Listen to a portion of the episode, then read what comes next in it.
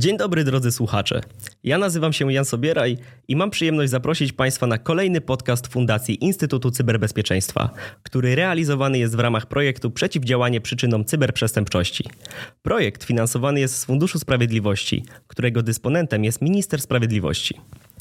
Dziś porozmawiamy o technologii deepfake, wiążących się z nią zagrożeniach i jej wykorzystywaniu w oszustwach finansowych. A ze mną w studio jest Mikołaj Rogalewicz, specjalista do spraw dezinformacji, analityk do spraw dezinformacji rosyjskiej w projekcie Obserwatorzy Kremla, absolwent stosunków międzynarodowych na Uniwersytecie Warszawskim oraz doktorant w Szkole Doktorskiej Nauk Społecznych UW. Cześć Mikołaj. Dzień dobry, cześć. Mikołaj, y, jakbyś mógł nas wprowadzić do tematu, czym deepfake jest, czym jest ta technologia, na czym ona polega, w jaki sposób powstaje i tak naprawdę jaka była jej geneza, skąd ona się wzięła? E, sam deepfake generalnie to są materiały audiowizualne wykonane przy użyciu technik sztucznej inteligencji, e, w których na przykład sztucznie wygenerowane twarze, głosy czy też gesty przybierają postać autentycznych osób i bazują one na wcześniej stworzonym materiale, który jest po prostu w jakiś sposób przerabiany. I to mogą być e, właśnie obrazy, filmy, ale także przeróbki głosu, czy też e, chociażby zdjęć e, właśnie z udziałem osób. Czyli mówiąc w skrócie, deepfake to są fałszywe nagrania wideo, czy też nagrania głosowe, na których przedstawiona osoba coś mówi, coś robi, choć w rzeczywistości nie miało to miejsca. Jeśli chodzi o genezę samego deepfake'a, to to jest dość ciekawe, ponieważ zapoczątkował ten trend w 2000 2017 e, roku mm, użytkownik e, o, e, o nazwie Deepfakes, który na stronie Reddit wrzucił kilka filmów, fałszywych filmów stworzonych właśnie przy użyciu sztucznej inteligencji dotyczących pornografii. No i on właśnie udostępnił je na, na, na tej stronie internetowej. Okazało się później, że te filmy były właśnie E, fałszywe, że one zostały użyte przy, e, zostały stworzone przy użyciu e, sztucznej inteligencji. No ale właśnie od nazwy tego użytkownika deepfakes powstała ta nazwa deepfake. To był rok, to był grudzień 2017 roku, więc taka jest tego geneza. Myślę, że dość ciekawa i mm, no fajnie, fajnie o tym także wspomnieć. E, natomiast co do samej e, technologii i samego deepfake'a, to myślę, że obecnie sztuczna inteligencja rozwija się tak szybko e, i daje takie możliwości, że mm, te deepfake'i będą coraz bardziej niebezpieczne i będą robione w taki sposób, że ciężko będzie je rozpoznać. Już teraz część deepfake'ów jest bardzo ciężko rozpoznać, choć niektóre są robione w sposób, no powiedzmy, troszkę słabszy, czyli na podstawie naszej obserwacji tego nagrania wideo jesteśmy w stanie dojrzeć pewne elementy, na podstawie których możemy stwierdzić, że to nagranie jest nie do końca prawdziwe. Ale tak jak mówię, wydaje mi się, że w przyszłości te deepfake'i będą robione coraz, coraz lepiej. Sama sztuczna inteligencja będzie się rozwijała w jeszcze większym tempie. No chociażby teraz, jak spojrzymy na ten chat GPT, y, no to pokazuje tylko w jaki sposób, y, jakie ogromne możliwości po prostu ta sztuczna inteligencja nam daje i myślę, że jeśli chodzi o deepfake, no to tutaj podobnie e, będą one robione w coraz lepszy sposób. Czyli z tego, co mówisz, wynika, że jeżeli ktoś ma odpowiedni zasób wiedzy informatycznej czy technologicznej, po prostu wie, y, jak y, pracować z takimi narzędziami, to byłby w stanie taki deepfake opracować gdzieś u siebie, u siebie w domu. Ale z tego, co mówisz, też jest początek tej technologii, jakby geneza tego, tego zjawiska, to jest rok 2017. Dlatego od razu nasuwa mi się tutaj taka myśl, że o ile temat skamów internetowych, e, phishingu i tak dalej jest już zakorzeniony niejako w świadomości społecznej i ludzie wiedzą, że coś takiego istnieje, e, mają mniej więcej świadomość, jak się przed tym bronić. O tyle deepfake wydaje mi się czymś bardziej zaawansowanym, czymś bardziej, czymś bardziej pogłębionym i Tutaj ta świadomość może być, może być dużo, dużo mniejsza, zwłaszcza jeżeli to jest dopiero 2017 rok. Dlatego wiele osób może sobie nie zdawać do końca sprawy, mimo Twojego wytłumaczenia początkowego, czym tak naprawdę deepfake jest, no i jakie zagrożenia się z nim wiążą. I właśnie o te zagrożenia chciałbym Cię zapytać. Jasne, no tych zagrożeń rzeczywiście jest wiele i ta technologia może zostać wykorzystana w różny sposób. I tutaj mówiłeś o tym phishingu, no to deepfake na przykład również może być wykorzystywany w tym, w tym zakresie, ale może po kolei. No to przede wszystkim ta technologia deepfake stanowi coraz większe zagrożenie właśnie dla cyberbezpieczeństwa różnego rodzaju organizacji, no bo cyberprzestępcy wykorzystując sfałszowany głos, czy sfałszowane nagranie, czy jakieś nieprawdziwe zdjęcie, mogą, e, mogą no, wykorzystać je do różnych oszustw, e, w szczególności na przykład w atakach socjotechnicznych, e, tak aby pozyskać jakieś istotne dane korporacyjne, czy chociażby dostęp do systemów, no możemy sobie wyobrazić sytuację, w której e, taki cyberprzestępca podszywa się pod powiedzmy członka zarządu jakiejś dużej, dużej firmy, ma jego głos i jest w stanie wygenerować jego głos sztucznie, no i dzwoni powiedzmy do, do, do swojego biura,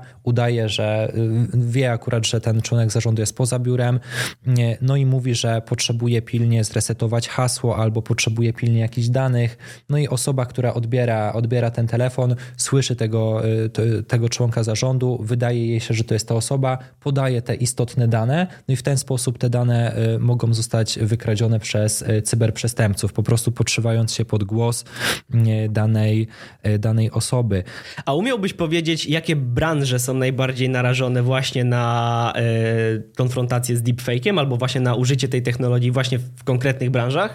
No myślę, że przede wszystkim e, branża finansowa i tutaj wykradanie różnego rodzaju istotnych e, danych z punktu widzenia tejże instytucji przy wykorzystaniu na przykład sztucznie wygenerowanego głosu, ale także branża polityczna. Myślę, że deepfake'i z politykami, które mają na celu ich dyskredytowanie również mają mocną, e, mocną siłę rażenia, że tak to ujmę. E, I może być oczywiście też e, deepfake stworzony z danym politykiem, tak aby w jakiś sposób dezinformować społeczeństwo, tak jak był deepfake stworzony z Załańskim. No i na pewno narażona na to jest branża medyczna. Tutaj wykradanie dość istotnych danych pacjentów, tych danych na temat pacjentów akurat w tych różnych instytucjach medycznych jest, jest sporo, ale także w tym kontekście, że za pomocą deepfake'a można podszywać się pod jakiś autorytet znanego lekarza, który coś tam mówi, e, natomiast w rzeczywistości on tego nie powiedział i jest to, jest to dezinformacja, jest to w jakiś sposób też szkodliwe, więc e, w ten sposób to też może być dość spore zagrożenie. No i wspomnimy także o prawie, prawie własności, czyli e, wykorzystanie czyjegoś wizerunku bez jego zgody, na przykład do jakiejś reklamy, żeby jeszcze na tym sobie zarabiać e, to tutaj w szczególności e, osoby znane, jacyś celebryci, aktorzy e, mogą, mogą paść ofiarą tego typu, tego typu deepfake'a no i stworzy, tworzy się wówczas nagranie z ich udziałem, bez ich zgody i to też według mnie stanowi dość mocne zagrożenie. Czyli finanse, polityka, po trochu medycyna, ale także prawo własności. To byłyby branże, na które byś wskazał. A ja teraz chciałbym dopytać Cię, jakby mamy wskazane te branże, ale czy to, że te branże są narażone na, na ataki deepfake'iem, pokrywa się z tym, z liczbą powstających deepfake'ów na dane tematy, czy jednak nie? Czy może jest tak, że sporo deepfake'ów powstaje na tematy jakby nie zawierające się w, w którejś ze wskazanych branż? Znaczy, wydaje mi się, że najwięcej deepfake'ów zdecydowanie powstaje e, w kontekście pornografii. E, to też oczywiście stanowi ogromne, ogromne zagrożenie dla poszczególnych osób, wykorzystywanie ich wizerunku i tak dalej. Więc myślę, że ta branża, w której e, ten, ten temat, na który powstaje najwięcej deepfake'ów, no to byłaby, byłaby pornografia. Natomiast dużo deepfake'ów powstaje także właśnie właśnie przy użyciu celebrytów e, z wykorzystaniem ich wizerunku, e, czy też bardzo dużo deepfake'ów e, przy, przy wykorzystaniu polityków. Myślę, że to są, to są takie główne tematy, ale nie zapominajmy także, że deepfake'i powstają czasem również dla zabawy i one nie są po prostu szkodliwe, a tworzy się je albo w celach edukacyjnych, albo po prostu no, w taki sposób dla zabawy, bez intencji wyrządzania krzywdy. Przy publikacji takiego deepfake'a wówczas no, opisuje się, że jest to, jest to deepfake, jest to nagranie fałszywe, więc ono w żaden sposób nie wprowadza w błąd. A wspomniałeś, jedno pytanie wcześniej, wspomniałeś o, o, o deepfake'u z Zełęskim, rzuciłeś ten temat, a ja bym chciał dopytać, na czym on polegał, bo tutaj nie, nie, nie każdy może kojarzyć yy, tę sytuację. Na czym polegał ten deepfake z wypowiedzią Zełęskiego, czy z wizerunkiem Zełęskiego? Jakbyś mógł e, nam to przybliżyć w kilku słowach. Jasne, ten deepfake, e, on powstał w marcu 2022 roku po agresji Rosji na Ukrainę i to był deepfake, w którym Wołodymyr Zełenski miał apelować do Ukraińców, e, czy też po prostu do ukraińskich żołnierzy o to, aby złożyli broń, o to, aby się poddali. E, takie nagranie się pojawiło, ono oczywiście było, było nieprawdziwe. E, i patrząc na tego deepfake'a z Zełańskim też można było mm, na podstawie samego nagrania stwierdzić, że coś z nim jest nie tak, ponieważ głowa Zełańskiego była nieproporcjonalnie duża w porównaniu do reszty ciała i e, widać było wyraźnie, że, że, że, że to nagranie może być po prostu sfałszowane, ale sam deepfake rzeczywiście stał się dość, dość popularny, ale wydaje mi się, że akurat e, no, on nie wyrządził aż tak dużych e, szkód i nie, nie, nie uwierzono w niego, że jest to, że jest to nagranie, nagranie prawdziwe, choć stało się popularne i myślę, że warto, warto sobie zobaczyć tego, to, to nagranie. No tutaj faktycznie była taka sytuacja, że to przecież marzec, tak? Że mhm. to praktycznie sam początek, sam początek rosyjskiej agresji i faktycznie to nagranie wywołało sporo konsternacji. Dobrze, że udało się je w miarę szybko rozpoznać, no ale też nie dziwota, ponieważ tą, tą sytuacją żyje, y, w tamtym czasie żył, żył praktycznie cały świat, więc, więc, więc tutaj w miarę szybko to poszło. Tym bardziej, że biorąc pod uwagę, jaka mobilizacja nastąpiła wśród ukraińskiego społeczeństwa, jak Ukraińcy zareagowali na początku wojny, no to tutaj wydawało się to dość dziwne, że faktycznie występuje prezydent Zełęński i, i nawołuje do, do poddania się. No to jest to dobry przykład właśnie tego, tego, tego deepfake'u pojawiającego się w polityce. Mhm ale ja chciałbym teraz troszkę zmienić tory naszej rozmowy i zapytać Cię o to, jak deepfake może zostać wykorzystany do oszustw finansowych. E, to jest kolejny, kolejny bardzo ważny temat i e, Przede wszystkim, jeśli chodzi o oszustwa finansowe, no to tutaj mówimy na przykład o wyłudzaniu pieniędzy i przy wykorzystaniu sztucznie wygenerowanego głosu można w pewien sposób e, oszukać E, jakąś instytucję finansową e, czy przedsiębiorstwo i wyłudzić od niej pieniądze. Może podam e, przykłady tego typu oszustw. Na przykład miała miejsce taka sytuacja, że wyłudzono od jednej z, z z brytyjskich e, spółek z branży energetycznej ponad 200 tysięcy dolarów właśnie za pomocą deepfake'a polegającego na stworzeniu sztucznego głosu jednego, znaczy szefa jednej e, ze spółek. I to polegało na tym, że cyberprzestępcy podszyli się pod szefa spółki matki i zadzwonili do spółki zależnej, do spółki córki i poprosili dyrektora tej spółki zależnej o to, aby dokonał przelewu na kwotę ponad 200 tysięcy dolarów na konto jednego z partnerów tych spółek i powiedzieli, że to te pieniądze zostaną dość szybko zwrócone, natomiast w jakichś tam celach e, ten przelew był konieczny.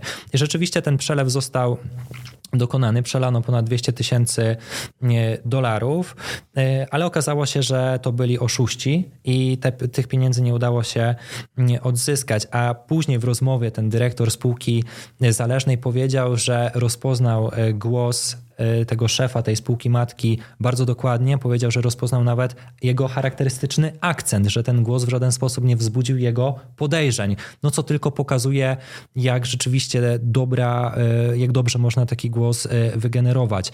Innym ciekawym przykładem, w którym wyłudzono pieniądze, to jest przykład akurat ze Zjednoczonych Emiratów Arabskich i tam wyłudzono pieniądze akurat od jednego z banków.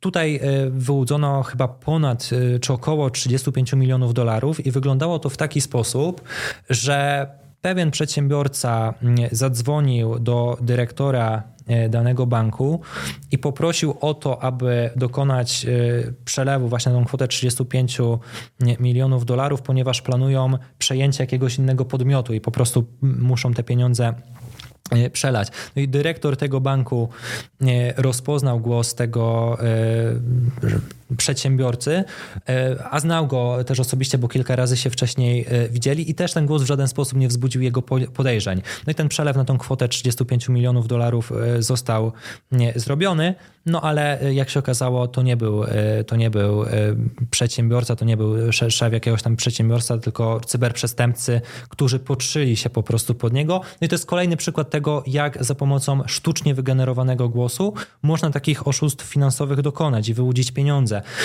Natomiast e, w tym kontekście warto powiedzieć o takiej technologii, e, właśnie która potrafi na podstawie kilkusekundowej próbki głosu wygenerować e, prawdziwe, całe, znaczy nieprawdziwe, ale właśnie fałszywe, ale całe zdania, która, które rzekomo miałaby ta osoba wypowiedzieć. Więc wystarczy tylko kilka sekund takiej próbki. To jest aż tak, e, aż tak skuteczne. I tutaj mówimy akurat o oszustwach e, no, na takich, takich na, na dużą skalę, prawda? Natomiast trzeba być ostrożnym, ponieważ każdy z nas może paść e, ofiarą takiego oszusta, bo wystarczy, że zadzwoni do nas telefon, poda się ktoś za jakąś naszą bliską osobę, i poprosi o to, aby przelać jakieś pieniądze albo podać jakieś dane osobowe, albo cokolwiek, e, bo uda mu się w jakiś sposób pozyskać e, ten próbkę tego głosu naszej znanej nam bliskiej osoby. No i my też możemy paść ofiarą takiego oszusta, więc trzeba być e, ostrożnym. Jeżeli mamy telefon z numeru, którego powiedzmy nie znamy, albo coś wzbudza nasze podejrzenie, warto się upewnić, aby na pewno jest to ta osoba, którą znamy, żeby po prostu no, nie zostać oszukanym. Tutaj od razu mi się nasuwa na myśl Y, jakby bardziej rozwinięta metoda telefonu na wnuczka, no bo wyobraźmy mhm. sobie sytuację, w której do, do członka naszej rodziny Niech to będą nawet nasi dziadkowie, którzy dysponują na przykład jakimś majątkiem. Ktoś dzwoni podając się za wnuczka, wnuczkę, przy czym dzwoni używając właśnie głosu tej osoby, no to taka osoba praktycznie nie ma szans na rozpoznanie, na rozpoznanie z kim rozmawia. A jeżeli jeszcze taka osoba jest w stanie wyciągnąć numer telefonu i na dane połączenie potrzeć się pod numer telefonu, no to właściwie mamy tutaj do czynienia z, z takim oszustwem, którego, którego osoba niezorientowana, że w ogóle pada ofiarą takiego oszustwa, no nie jest w stanie go nie jest w stanie go wykryć. Oczywiście i myślę, że tutaj też istotne jest właśnie zwiększanie świadomości na temat istnienia w ogóle samej tej technologii deepfake, ponieważ starsze osoby, które no aż tak bardzo nie interesują się nowymi technologiami, mogą w ogóle nie być świadome, że coś takiego jest możliwe. I gdy słyszą głos, powiedzmy swego wnuczka, czy swego syna, czy jakiejś znanej im osoby, one w ogóle mogą nie wiedzieć, że to może być sztucznie wygenerowany głos, bo one nie wiedzą, że coś takiego jak deepfake istnieje, więc to jest też y, istotne, aby zwiększać świadomość społeczeństwa na temat tego, że taka technologia istnieje i że takie, do takich oszustw też może dochodzić. Prawdę mówiąc, samym o tym nie pomyślał, yy, no bo to są rzeczy, o których łatwo się rozmawia, kiedy, kiedy omawia się je stojąc z boku, ale tak naprawdę, kiedy ktoś z nas miałby paść ofiarą takiego telefonu z podszytym głosem, no to ilu z nas zastanawia się na co dzień, yy, czy na pewno osoba, z którą rozmawiamy przez telefon, jest tą osobą, za którą się yy, podaje. A w sytuacji, w której jesteśmy Mm, pracujemy w konkretnym zawodzie albo dysponujemy odpowiednio wysokim majątkiem i jesteśmy narażeni na takie na takie ataki, no to nie ma się trochę co dziwić, że, że, że ludzie nie podejrzewają każdego telefonu, który odbierają o jakieś potencjalne oszustwo. Jak najbardziej. I warto tutaj dodać też, że oszuści e, często e, bazują na emocjach, czyli e, może dojść do sytuacji, w której po prostu oszust będzie przekonywał, że sytuacja jest bardzo pilna, doszło do jakiegoś wypadku, tak aby wzbudzić po prostu skrajne emocje w osobie, którą chce oszukać. To, to, to to, też jeszcze bardziej po prostu zwiększa podatność kogoś na to, że może zostać e, oszukany. No to powiedzieliśmy sobie kilka słów na temat tych oszustw finansowych, a teraz chciałbym Cię zapytać, w jaki sposób deepfake jest wykorzystywany przez trole, czyli temat, który e, pojawił się już w jednym z poprzednich odcinków naszego podcastu, czyli farm troli i dezinformacji. Bo jestem ciekaw, po jednej stronie mamy te oszustwa finansowe, ale po drugiej stronie przecież ta technologia może być też wykorzystywana właśnie czy to do tej dezinformacji, czy po prostu jakiegoś prześladowania czy, czy, czy, czy innych oszustw, no już niekoniecznie w tym aspekcie finansowym. Jakbyś mógł kilka słów na ten temat powiedzieć. Jak najbardziej. No myślę, że e, ta technologia deepfake dla trolli e, daje e, pewne możliwości przede wszystkim w kontekście tworzenia, generowania twarzy osób, które w rzeczywistości nie istnieją, choć ta twarz wygląda wiarygodnie. Jest taka strona internetowa This person does not, does not exist i ona generuje na przykład twarz danej osoby, e, osoby, która w rzeczywistości w ogóle nie istnieje. No i jak to mogą wykorzystać trole? No przede wszystkim do tego, aby bardziej uwiarygodnić swoje konta w mediach społecznościowych, aby były te konta, aby te konta wyglądały e, tak, jak e, wyglądają konta prawdziwych osób, bo zazwyczaj do tej pory to trole albo nie miały w ogóle zdjęcia profilowego i komentowały coś z takiego profilu, gdzie tego zdjęcia nie było, albo wykorzystywały zdjęcia jakichś osób, no, które można było też y, trochę łatwiej zweryfikować, czy po prostu to nie jest y, zdjęcie jakiejś innej osoby. Natomiast tutaj mogą stworzyć sobie zdjęcie osoby, która nie istnieje, dodać je na tym profilu i ten profil wygląda dużo bardziej wiarygodnie. No same trole, wiadomo, y, sieją różnego rodzaju dezinformacje, manipulacje, podburzają dyskusję, różny przekaz idzie ze strony, ze strony, ze strony tych troli, więc jeżeli to konto wygląda wiarygodnie, no to ta dezinformacja może być też skuteczniejsza. Przecież jeżeli chodzi o rozpoznawanie troli, no to pierwszym tym, co, co należy zrobić, no to trzeba sprawdzić, czy ten profil jest wiarygodny, z którego dany komentarz został opublikowany, y, jakie zdjęcia tam się pojawiają, jakie treści tam tam się pojawiają e, i tak dalej. Więc jeśli chodzi o zwiększenie tej wiarygodności, no to myślę, że tutaj ta technologia deepfake w kontekście właśnie tworzenia zdjęć, fałszywych zdjęć daje, daje pewne możliwości. No tutaj bym poszedł nawet o krok dalej, bo przecież możemy wygenerować osobę, która nie istnieje, jakieś wideo z jej udziałem, e, podszywając się pod e, autorytet w danej dziedzinie, czy to finansów, czy to prawa, czy to medycyny i wykorzystując wizerunek tak naprawdę osoby, która nie istnieje, jakieś nagranie z jej udziałem, forsować, czy to swoją agendę polityczną lub nie, czy, czy agitować za jakimiś rozwiązaniami, czy, czy też właśnie wracając jeszcze do tego e, tematu oszustw finansowych, e, zachęcać ludzi do inwestowania w no niekoniecznie w kryptowaluty, ale, ale w jakieś narzędzia finansowe, e, które nie są do końca, do końca sprawdzone, gdzie osoby mogą tak naprawdę przelewać pieniądze, niekoniecznie wiedząc, gdzie je przelewają, ale jest to podparte, jest to podparte niby jakimś autorytetem, niby jakąś postacią, która stoi przed kamerą, opowiada, być może jest to cała seria nagrań, a jednocześnie unikamy tutaj e, ryzyka E, czy to wyśledzenia i znalezienia takiej osoby, czy y, tego, że ona korzysta na przykład z wizerunku innej osoby, która faktycznie istnieje. Oczywiście i tutaj y, właśnie mówiąc, y, wspomniałeś o chociażby kryptowalutach, to mi się nasunął przykład, bo to akurat taki deepfake też powstał. On powstał z Elonem Muskiem, który miał na konferencji TED zachęcać do inwestowania w kryptowaluty na jednej z platform i przekonywać, że można tam zarabiać duże pieniądze, że to jest skuteczne i tak dalej. Natomiast w rzeczywistości był to deepfake stworzony właśnie z Elonem Muskiem. Co ciekawe, Elon Musk występował na konferencji TED i miał tam przemówienie, ale akurat nie mówił e, tego, co zostało powiedziane w tym e, deepfake'u. Więc e, to, to mi się nasunął taki przykład właśnie w kontekście tego, co powiedziałeś, że można wykorzystać autorytet czyjś do tego, aby dezinformować i, i, i dokonywać jakichś tam oszustw. No to powiedzieliśmy sobie o Ilonie Masku i wspomniałeś wcześniej o Zełęskim, a umiałbyś wskazać jeszcze kilka przykładów takich najpopularniejszych deepfake'ów, które odbiły się szerokim echem, o których było głośno? Myślę, że warto tutaj powiedzieć o deepfake'u mm, z Tomem Cruzem, który e, no, został opublikowany e, na TikToku. To były trzy krótkie nagrania e, i to był deepfake dość popularny, też chociażby z tego względu, że on jest uważany za jeden z takich lepszych e, deepfake'ów. Tam na tych nagraniach e, Tom Cruise na przykład gra w golfa, porusza się e, w jakiś sposób, dokonuje jakichś sztuczek z monetą. Właśnie coś tam mówi też do, do, do widzów na, mm, na TikToku. Przy czym oczywiście to jest sztucznie wygenerowany obraz Toma Cruise'a. To nie, nie, nie był on, tylko to był, to był właśnie deepfake i on zyskał dużą popularność. Później okazało się, że to było po prostu nagranie fałszywe, ale ten deepfake zyskał bardzo dużą popularność na TikToku roku. No jest właśnie uważany za jeden z takich lepiej stworzonych deepfake'ów, jeden z bardziej wiarygodnych.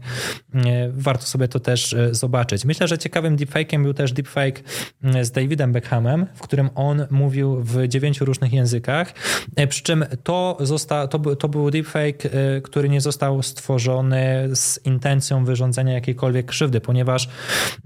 A to przepraszam, to deepfake z Tomem Cruzem został wyrządzony w celu wyrządzenia krzywdy? Tak, no podszywano się pod Toma Cruza, Tom Cruise o tym nie wiedział, e, natomiast zyskano sporą popularność wykorzystując wizerunek Toma Cruza na Czyli na zarabianie portalu. na czyimś wizerunku bez no, my, Myślę, że tak, okay. że w pewnym sensie tak, można, można było na tym też zarabiać, e, a Tom Cruise o tym nie wiedział. Natomiast w przypadku Davida Beckhama no mamy sytuację, w której miała miejsce kampania edukacyjna dotycząca walki z malarią, no i David Beckham właśnie w niej wystąpił e, mówił coś tam w kontekście tej e, kampanii po angielsku, a następnie pojawił się mm, mówiąc w innych językach. Przy czym te języki zostały, to był głos innych osób, ale na ekranie widniał David Beckham i ruchy ust zostały dopasowane, jego ruchy ust zostały dopasowane do tych słów, które wypowiadały właśnie inne osoby. Oczywiście było słychać, że na przykład w jakimś innym języku mówi kobieta, ale na ekranie był David Beckham i były jego, jego ruchy ust pokazane.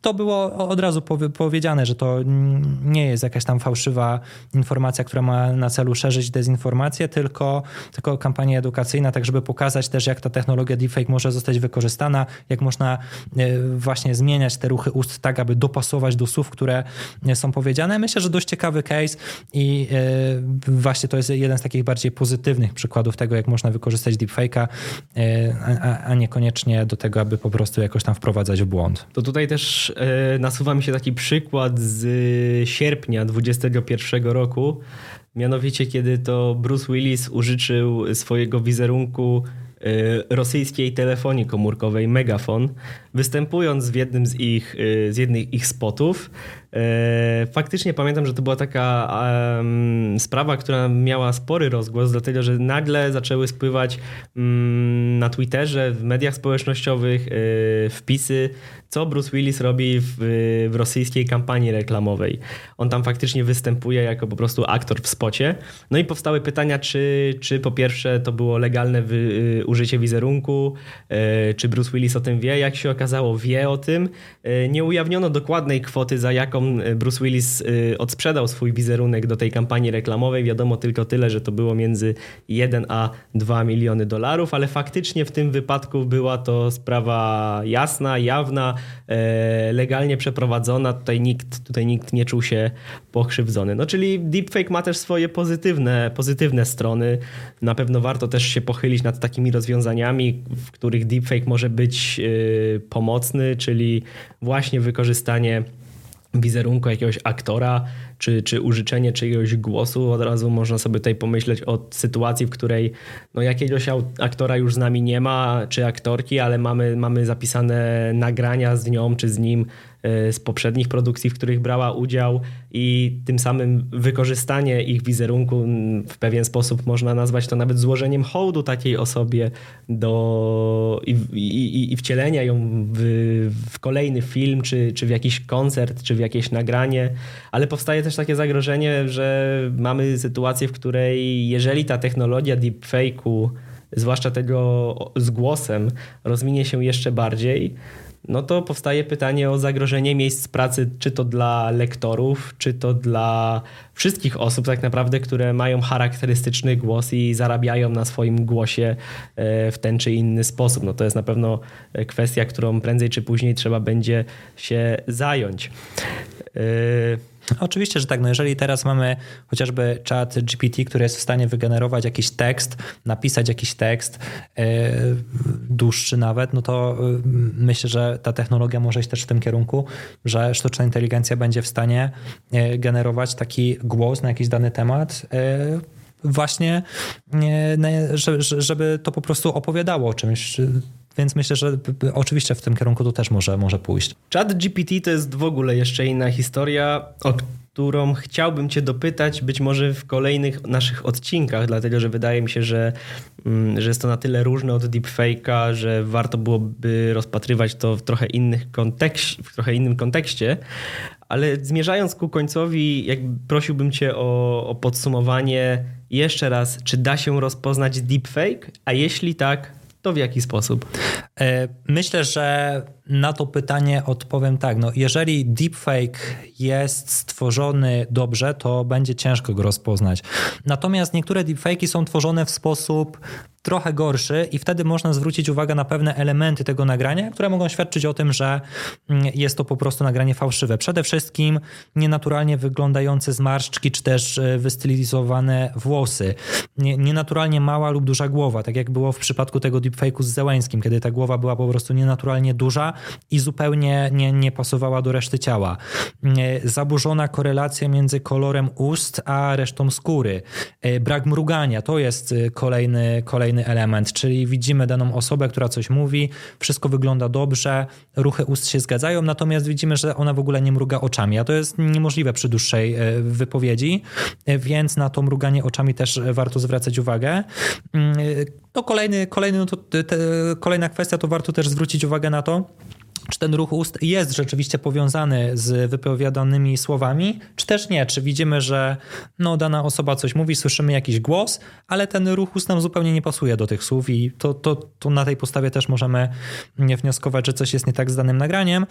No i też warto zwracać uwagę na tło, czyli powiedzmy nienaturalne cienie, nienaturalne oświetlenie albo nienaturalne ruchy postaci gdzieś tam na drugim planie na to też warto, warto zwracać uwagę, czy na przykład cień pada w niewłaściwym kontekście. Na tej podstawie też można wywnioskować, że coś z tym nagraniem jest po prostu nie tak.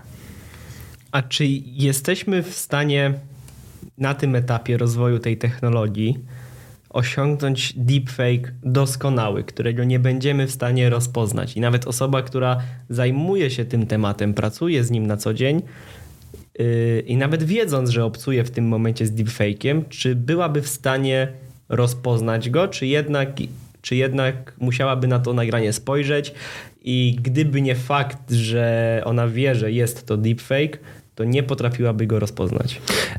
E, generalnie, jeżeli deepfake jest zrobiony dobrze, to myślę, że tak e, patrząc wyłącznie na to nagranie, będzie ciężko je rozpoznać. Natomiast są pewne narzędzia i te wielkie firmy technologiczne podejmują działania na rzecz walki z deepfake'ami i rzeczywiście te narzędzia są w stanie rozpoznać nagranie zmanipulowane, nawet jeżeli ono jest zrobione dobrze i po prostu ludzkie oko nie jest w stanie wykryć, że jest to fałsz, no to te narzędzia y, działają już znacznie skuteczniej.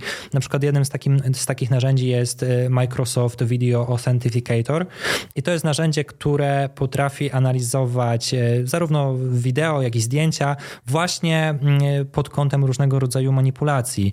I to narzędzie podaje procentową szansę na to, że ten materiał po prostu w jakiś sposób został zmanipulowany. Ono odtwarza dane wideo klatka po klatce i wskazuje, w którym momencie może wystąpić dana, dana manipulacja. E, innym narzędziem e, jest narzędzie e, Intela Fake Catcher, które działa trochę inaczej do Microsoftu, bo Fake Catcher analizuje przepływ krwi pod skórą twarzy.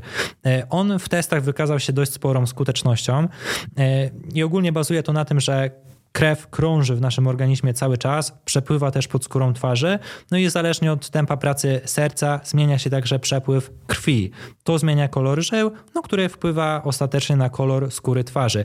I właśnie Fake Catcher analizuje e, klatka po klatce dane nagranie i jest w stanie za pomocą różnych algorytmów wskazać, czy, czy to nagranie po prostu zostało w jakiś sposób zmanipulowane, e, czy też nie. Więc e, no, ta sztuczna inteligencja wykorzystywana jest też do tego, aby nie tylko tworzyć deepfake'i, ale także właśnie z nimi walczyć, aby tworzyć narzędzia, które mają na celu wykrywanie tych deepfake'ów. No i myślę, że e, tutaj potencjał do rozwoju jest cały czas bardzo duży, bo zapotrzebowanie na tego typu narzędzia będzie coraz większe. Także warto, warto też o tych narzędziach wspomnieć. One są znacznie skuteczniejsze niż ludzkie oko, e, i ta technologia może być właśnie wykorzystywana też no po prostu do tego, aby rozpoznać, czy doszło w jakimś nagraniu wideo do manipulacji, czy też nie. Dobrze, y, no to Mikołaju, ja Ci bardzo dziękuję za dzisiejszą rozmowę, za, za dzisiaj poświęcony czas, a Państwa zapraszam do słuchania kolejnych naszych podcastów, które będą się pojawiać, a także do śledzenia Fundacji Instytut Cyberbezpieczeństwa w social mediach. Dziękuję serdecznie. Dzisiejszy odcinek podcastu dla Fundacji Instytutu Cyberbezpieczeństwa został zrealizowany w ramach projektu Przeciwdziałanie przyczynom cyberprzestępczości. Projekt finansowany jest z Funduszu Sprawiedliwości, którego dysponentem jest Minister Sprawiedliwości.